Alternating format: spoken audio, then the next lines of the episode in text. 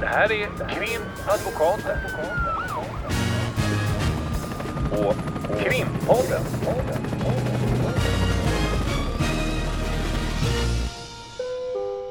Parter och ombud kallas till sal 32. Hej Lotta! Hej Ulrika! Vi har ju eh, skapat en ny trend här eh, Mm. genom att vi hade det här sommarprogrammet Krims, sommar, Krims Prat. Mm. sommarprat. Och eh, pratade lite, vad kan man säga, mera om personliga erfarenheter av vårt jobb. Mm. Och eh, trenden är då denna att vi har fått lite frågor kring varför vi har valt att jobba med brottmål efter vår juristutbildning. Vad som är skälet till det. Och jag kan ju tänka så här att eh, i min värld blir det lite att, att vara en, en upprepande papegoja. Därför att när jag undervisar så är det oftast den frågan studenterna frågar om. Hur kommer det sig att du vill jobba med brottmål? Att du var försvarare och målsägande beträde och så. Och då brukar jag eh, utveckla det. Så att om det är några studenter som lyssnar eller några andra som har hört det så får ni väl stänga av och lyssna på vad du får beskriva. Men jag tänkte att vi skulle kunna ändå besvara den frågan. Mm. Vad som är helt enkelt skälet till att du, Lotta, Och valde. du Ulrika, även om du har dragit det på din undervisning så kanske Jag kan hitta på lyssnarna en också. ny version. Nej, vi är alltid sanningsenliga. Så Ja. det är ingen, inget utrymme för påhitt. Nej. Förlåt. Okej, men och då är det så här då. då eh, precis som, som eh, frågan har formulerats. Vi, vi vill veta, eller vi är några stycken som lyssnar och vi vill veta varför just ni, eller varför ni just valde att jobba med, med brottmål. Fast inte som domare eller åklagare. Det vill säga att man kan jobba med brottmål både som domare och åklagare om man säger så. Varför just försvarare och målsägandebiträdesrollen. Då kan ju du berätta. Eh, ja, för min egen del att jag just har valt advokatrollen. Eh, jag uppskattar oberoendet eh, som man har som advokat eh, och som man alltid klargör för klienten i det första mötet. Jag tycker om det här att man eh, har en klient, att man arbetar för en enskild person som man företräder och, och samarbetar med om man ska säga så i, i de här målen och att man för fram eh, Eh, den personens eh, röst eh, och den personens version och, och Oh, det låter ju alltid så pompöst men det är ju lite pompöst att man på något sätt i den eh, för då kan man säga men då kan man jobba mm, som läkare eller alltså, om man nu bara vill åt själva människokontakten och det mänskliga mötet. Men jag uppskattar just det att man i, i, i, i strävan att bevara rättssäkerhet och rättsväsendet och demokratin står upp för den lilla människan. Ja, och det där är ju också intressant just att eh, när du säger oberoendet. Och det är ju eh, i, i och för sig då ett, ett, ett beroende på det viset att, att man företräder den enskilde. Så det är ju den som är uppdragsgivare. Men att man då är oberoende i relation till till staten och till rättsapparaten. Sen har ju vi en massa skyldigheter också givetvis i förhållande till rättsapparaten. Vi kan ju inte hålla på och bete oss hur som helst. Men Och det har vi också redogjort för i, i, i vart fall två av våra poddar. Ja. Allt det här med våra etiska regler och, och så vidare. Så Men vi har liksom ingen annan uppdragsgivare. Nej. Även om man blir förordnad av en domstol som offentlig försvarare eller målsägande beträde.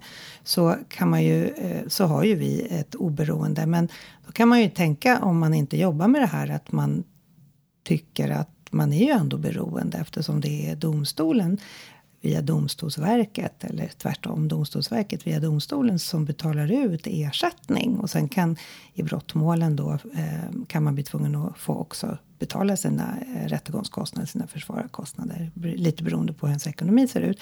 Men det är ju staten som ändå betalar och när det gäller målsägandebiträdesuppdragen så är det ju staten som betalar fullt ut. Så då kan man ju också tycka, vad är det för oberoende då? eh, och man ska ju också säga det att det är ju tings, eller domstolen som förordnar eh, oss som advokater. Så där kan man ju också ifrågasätta oberoendet. Men eh, ehm, man, jag tror vi har varit inne på det, men man kan ju säga det att det är domstolen som förordnar oss som advokater i mål. Oavsett. Sen kan man få förordnandet på, på olika sätt. Eh, huvudregeln i, i, eh, i Sverige är ju att man är offentlig försvarare helt enkelt. Och då innebär det att man eh, Eh, har ett, att man är ett, har ett förordnande helt enkelt från domstolen. Och då kan man bli begärd ifrån en person som vill välja oss. Det här vet jag också att vi har fått många frågor så jag tänker flikar in med det eh, på en gång här. Eh, och man kan också då eh, få ett eh, förordnande från domstolen som är öppet till byrån. Det händer ju oss här på Krim ofta att man säger att är det någon på byrån som kan det är ett förhör senare i eftermiddag. Eh, och man kan också få ett så kallat riktat eh, uppdrag då domstolen säger att kan Lotta Wirén eller Ulrika Borg ta det här? Mm. Så att Är vi beroende är det- av domstolen då, då när vi får uppdrag därifrån och inte bara när vi är begär, att vi bara är oberoende när vi blir begärda av klienter? Eh, nej, jag skulle, alltså, det, vår, det, vi arbetar ju så att förordnandet förvisso är från domstolen men vi är oberoende från domstol, polis, åklagare från alla delar i rättsapparaten. Som, eh, alla delar i rättsapparaten helt enkelt. Och det där är ju också så att det är, är oftast som mina studenter undrar hur det, eh, hur det funkar rent ekonomiskt då. Att, att om man, det, det är förhållandevis få som, som egentligen känner till att, att advokatverksamheten faktiskt är frånkopplad staten. Många tror att kanske åklagare och advokater egentligen är att man jobbar på samma ställe. I England, Stor- Storbritannien, USA så kan det ju vara så att man kan vara försvarare i ett mål, man kan också vara åklagare. Precis, jag tror Men man ser mycket på film och serier och så vidare nu för tiden. Och då, då, då är det lätt att göra en koppling, att, men då är det så det funkar. Men här är det ju inte så, vi har ju våra egna kontor. Egna kontor, helt egna kontor som inte eh, sitter ihop på något sätt med Ja. vare sig polis, åklagare eller domstol. Ja. Eh, Och att samtliga då på eh, advokatbyrån ska sägas är oberoende ifrån eh, rättsapparaten.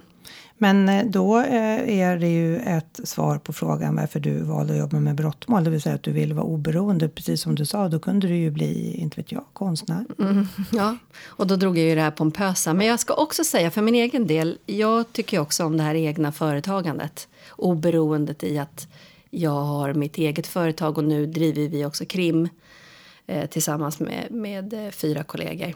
Ehm, och det uppskattar jag. Jag tycker om företagandet ehm, med allt vad det innebär. Med anställda och med marknadsföring och med eh, varumärke och, och så vidare. Men det är ju rent personligt så är det också en del av arbetet som jag uppskattar. Därför hade jag heller inte velat jobba på, på myndighet. Mm.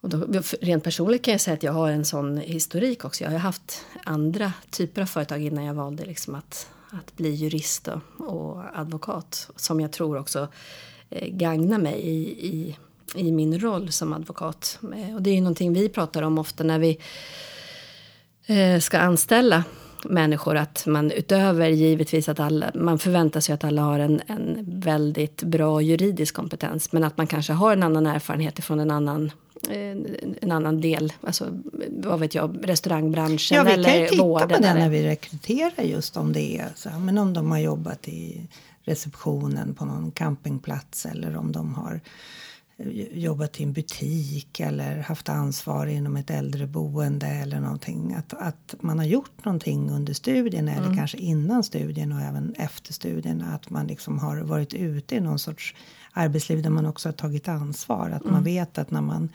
kommer till arbetet första dagen så kan man inte förvänta sig att någon annan plockar undan kaffekoppen utan du måste också vara liksom vuxen i de delarna och också ta ansvar och kanske också träffat människor som har synpunkter eller klagomål och hantera dem.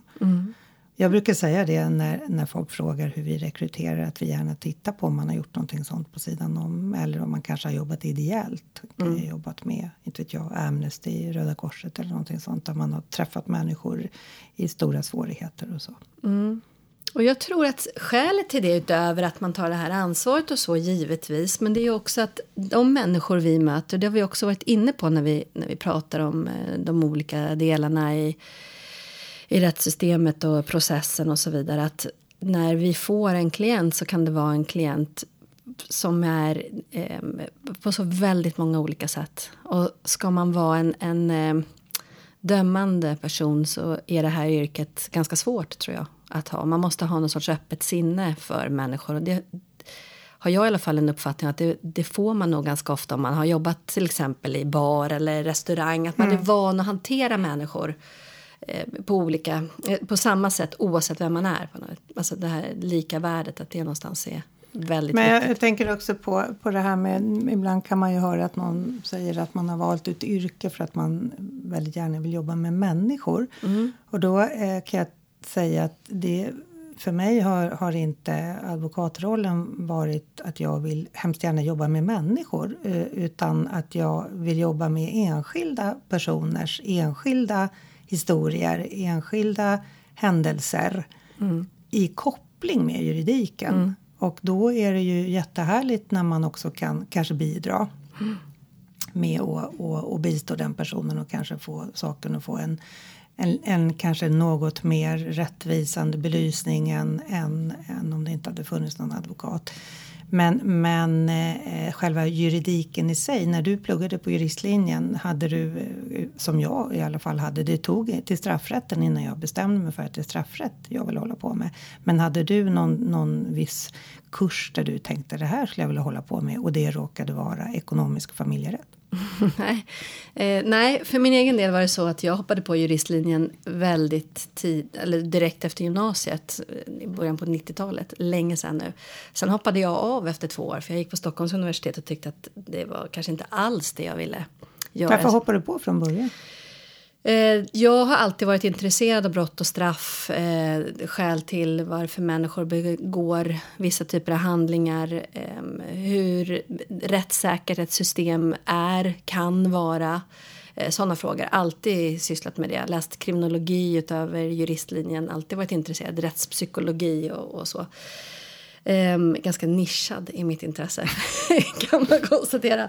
Men, eh, ehm, men så började jag på, på juristlinjen, hoppade av efter två år och det var då jag gjorde massa annat. Jag ehm, öppnade eget café och gjorde helt andra saker. Jobbade med teater och, Och då tänkte inte du återvända utan du var Nej, klar? jag var nog liksom. inte riktigt säker. Sen tänkte jag att jag ska bli logoped istället. Så det som man ska göra mellan 20 och 30 tycker jag. Testa massa olika och få massa erfarenhet. Och sen så var jag och tittade på en, en, en polismorden i Alexander skedde 99.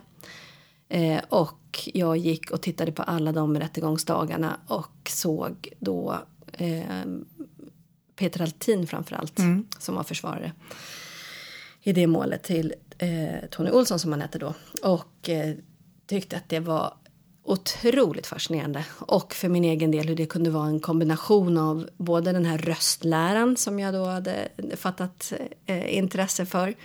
Eh, brott och straff givetvis. Eh, och det teatraliska. Han gjorde en, en plädering som där han jämförde med grekisk dram, drama och så vidare. Så att, då tänkte jag, "Nej, men det är, ju det, det är ju det här. Så då gick jag tillbaka ungefär tio år senare.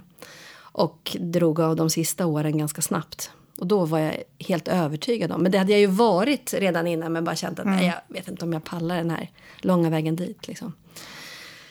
Eh, Då när man tyckte att fyra och ett halvt år var en lång väg. Men, eh, och sen så, sen var det nog inget snack för mig. Och det har inte varit det, jag har inte tvivlat liksom. Utan det, det är det här jag har velat göra, det är det jag vill göra. Så att, ehm, ja, det, det var, jag var nog snarare så att när jag fick på giken, när jag fick eh, strukturen hur juristlinjen skulle se ut, så kollade jag när straffrätten skulle komma. Liksom. Och vilka specialkurser det fanns jag skulle kunna välja. De specialkurser som handlade om straffrätt. Du då? Berätta du nu. Ja, jag, jag kan göra en, en lång historia kort eh, med att jag ha, har en annan utbildning i botten eh, där jag har eh, en filkand fast inte en filkand därför att jag skrev aldrig klar min C-uppsats vilket var väldigt, väldigt vanligt på 80 och 90-talet. Eh, eh, det var svårt att få ut folk i, i, i arbetslivet för folk liksom fastnade på universitetet.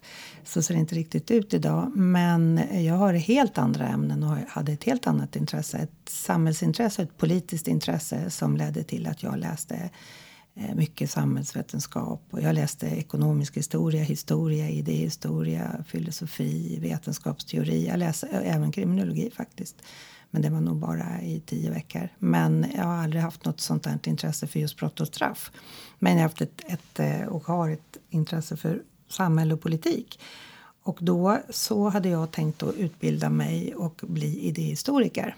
Och eh, sen insåg jag att det kanske inte finns så här jättemånga jobb som idéhistoriker. Då ska man nog stanna kvar inom akademin och fortsätta och kanske undervisa och försöka doktorera och så. Och under tiden jag skulle fundera på vad jag skulle göra då började jag vicka som lärare. Och så gjorde jag det i flera år och jobbade alltså fast då varje termin, terminsvis eftersom inte jag hade någon lärarexamen. Och sen så eh, råkade jag eh, få kontakt med en advokat för att vi hade ett landställe som skulle bli golfbana och vi skulle bli av med vårt landställe och då fick jag i uppdrag att gå till en advokat. Och eh, det gjorde jag. Och då tänkte jag att det här var liksom en, ett escape room för min del. För att han eh, kopierade några sidor ur jordabalken. Det handlade om hyreslagstiftning. eller hyrde eller anställde hade gjort i 50-11 år. Och eh, kopierade det och tog ganska bra betalt, inte för kopiorna men för konsultationen på någon timme. Och eh, så tänkte jag när jag satt och läste på tunnelbanan hem de här sidorna, kopierade sidorna från jordabalkens tolfte kapitel tror jag det är, om de nyttjanderätt minns sig. Så tänkte jag, men det här skulle jag ju kunna läsa. Jag begriper ju vad det står här. Eh, det, det, är också en uppfattning man har om juridik, att man lär sig lagboken så är det klart. Mm. Liksom. Men då sökte jag faktiskt in och så kom jag in direkt. Alltså jag sökte in precis, det var väl någon vecka innan ansökningarna skulle in och sen kom jag in. Så började jag plugga. Eh, och det var ju för att jag, eh, jag brukar säga det eh, och det kanske inte är så snällt att säga men jag brukar säga att för att läsa juridik så krävs det tid. Det krävs engagemang, det krävs att man har kontroll över sin kalender. Det kanske inte är rocket science trots allt. Men man kan säkert bli en väldigt bra jurist eh, och komma upp i lite mer rocket science om man, om man anstränger sig. Men eh, man kan ta sig igenom juristlinjen om man lägger ner tillräckligt med tid och mm. kraft för sina studier. Mm. Eh, och eh, det, det som för mig har varit... Jag har alltid haft en uppfattning tidigare när jag pluggade på universitetet att jurister de var ju ganska knäppa. De gick där med sina lagböcker och skrev in i den dåvarande telefonkatalogen att de var djurstud. Och mm. tyckte de var ganska Just det, det har jag glömt bort. Rätt och de var också kända eh, mm. på biblioteket att de snodde med sig böcker eller mm. gömde mm. böcker. Det var liksom fördomarna mm. om, om jurister ute på Stockholms universitet bland humanister och samhällsvetare. Och det brukar jag skämta och säga att många av mina fördomar också besannats. Men eh, vad, som, eh, vad som för mig sen fick ihop de två världarna samhällsvetenskap och, och humaniora med juridiken. Det tog ganska lång tid och det kan jag säga, det fick jag i straffrätten. Därför att där kom mitt politiska och samhälleliga intresse att knytas ihop från samhällsvetenskapen med juridiken. Därför att allting egentligen handlar i grund och botten om politik. Och det kan vi ju se nu när vi har nya lagförslag och, och, när man pluggar juridik så tror man ju på något sätt att straffrätten och man tror all typ av juridik är statisk. Det kommer mm. inte förändras det här utan har man lärt sig att brottsbalken ser ut så här så ser den ut så i all oändlighet och har sett ut så sedan 1734. Men så är det ju inte och det ser vi ju nu att det är mycket, mycket stora förändringar på gång både i rättegångsbalken och i brottsbalken. Mm. Och eh, det är, kokar ner till att det är frågan om politik. Det är ju det som är en del av juridiken är ju politiken och våra lagar. Mm. Så det tog en stund innan jag fick ihop de två tankeområdena, eh, eller vad man ska säga, till ett. Men jag, jag, jag funderade lite i början när jag började läsa juridik.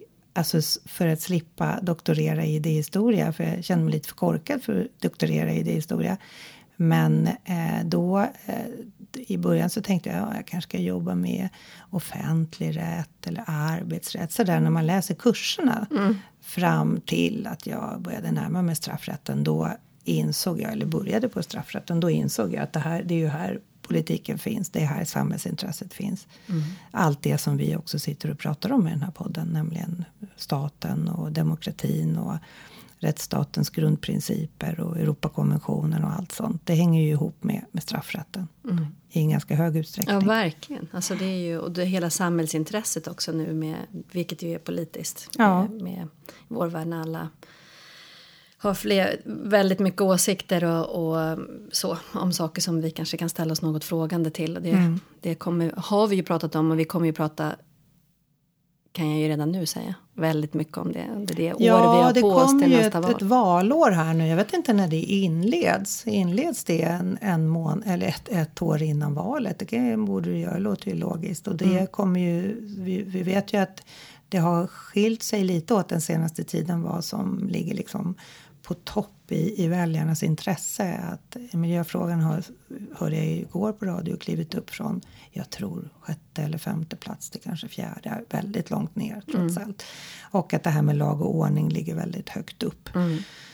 Och eh, man kan ju ha sina funderingar kring den prioriteten men det är så det ser ut just nu. Mm, eh, man trodde ju att efter den här sommaren att det kanske skulle bli så att miljöintresset och eh, med, med den här senaste FN-rapporten skulle ha stigit lite högre. Men vi får ju se vad som händer. Ja, man får se. Och sen är det väl att, inte helt ovanligt kanske att många vaknar till liv också. Ett intresse som vaknar till liv när man börjar närma sig valet Mm. och man ska börja fundera på. Men nu kommer ju kyrkovalet här om några veckor. Så det Precis. kanske vi får anledning att återkomma till. Jag tänkte bara, det, det slog mig nu när du berättade om din golf, ditt golfbanelandställ och så. Kanske är det så att man har någonting sånt i botten när man eh, väljer just processen, det juridiken. Jag har ju det här, jag berättade att jag var på de här Alexanderrättegångarna.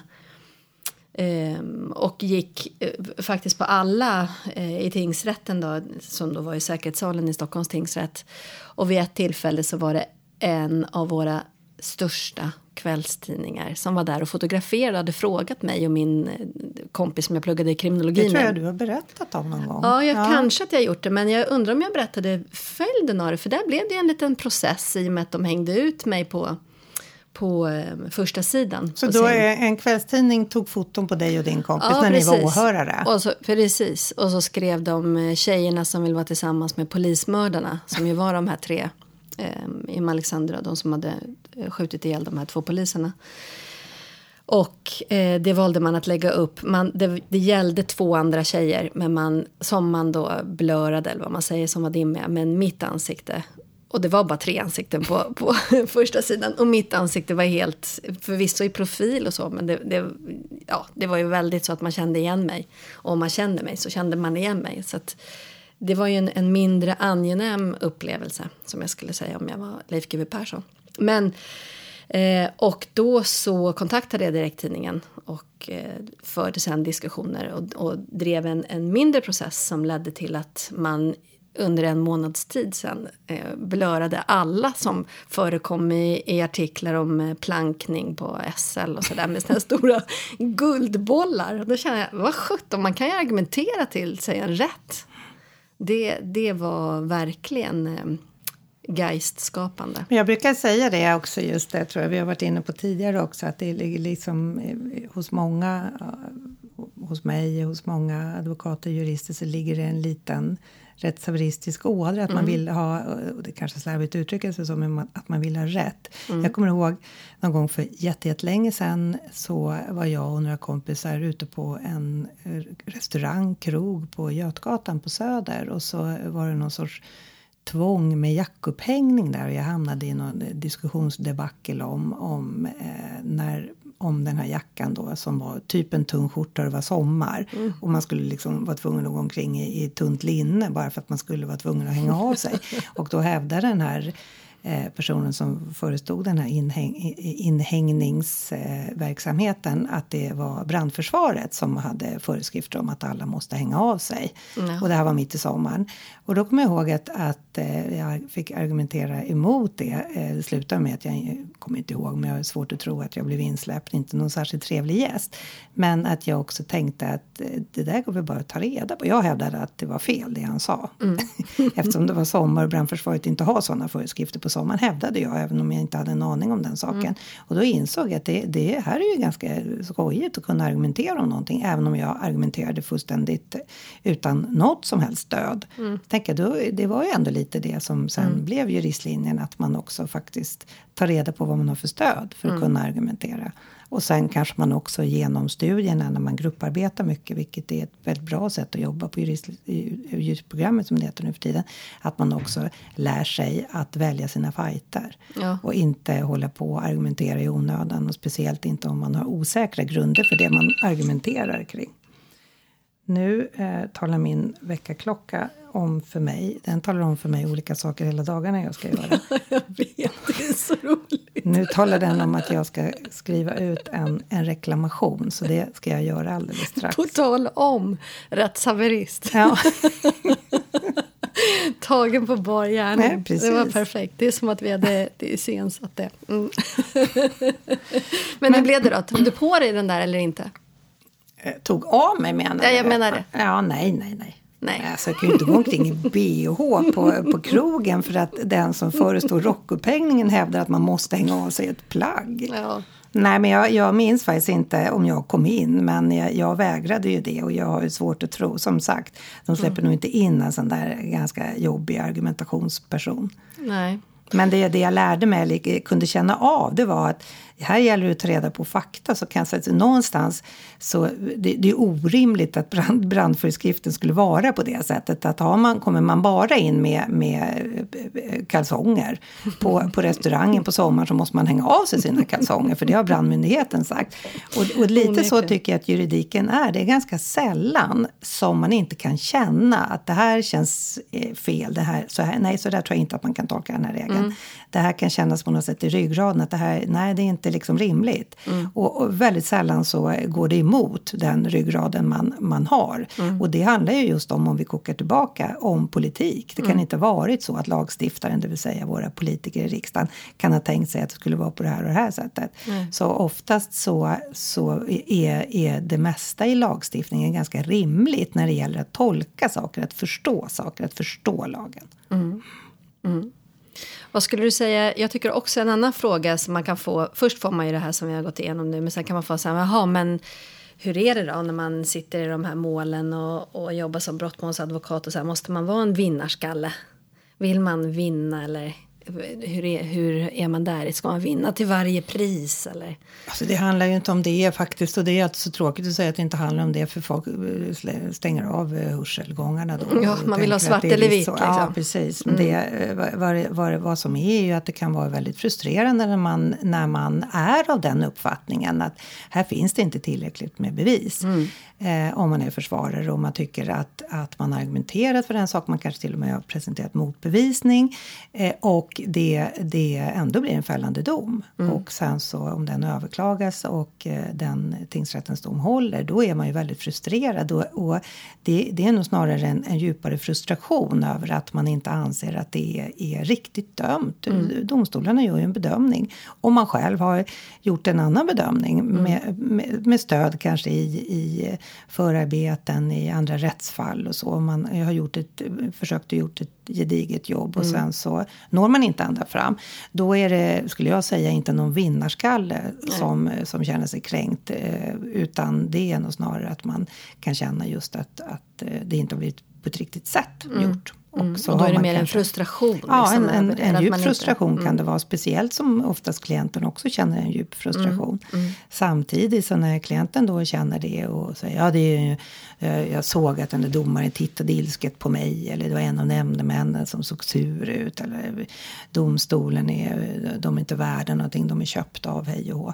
Eh, Och då, det, det är ju inte min uppfattning. Och det måste man ju också vara tydlig med till klienten att det är inte så det ser ut. Och om om en nämndeman har sett sur ut och tittat på dig så är det inte så domen är skriven. Man måste ju ändå stå på, på rättsstatens sida, eller vad man ska säga, man är del av den. Man måste ju stå på domstolens sida i hur de gör sina bedömningar.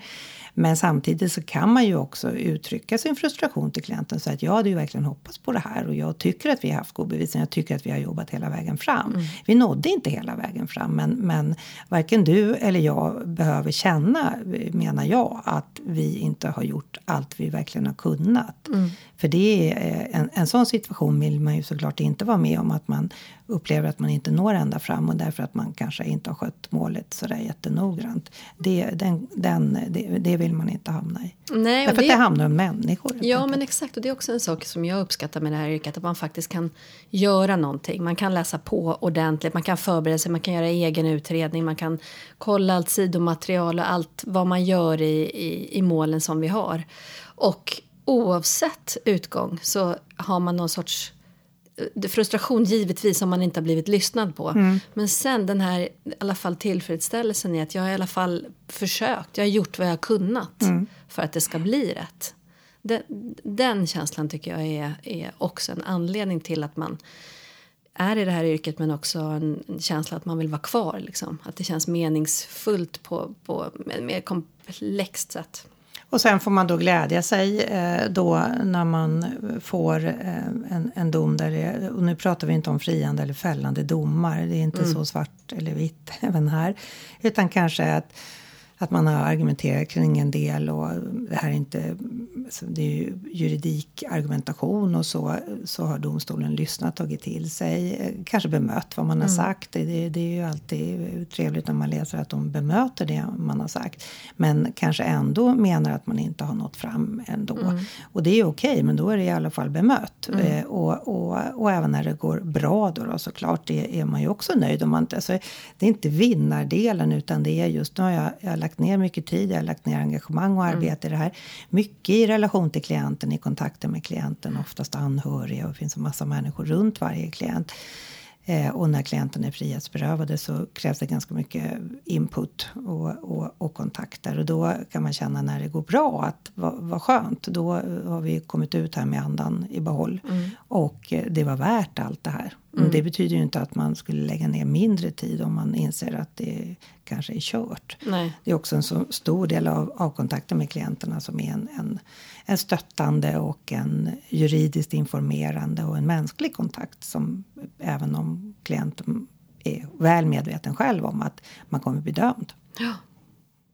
Ja, där är vi det, eniga. Ja, där är vi eniga. Och jag, eh, jag, tycker att eh, frågan varför vi eh, just valde att jobba med brottmål har, har fått ett svar. Det är för att vi är oerhört pompösa. jag tänkte att vi ska runda av här eftersom jag ska gå och kopiera den här reklamationen ja, nu.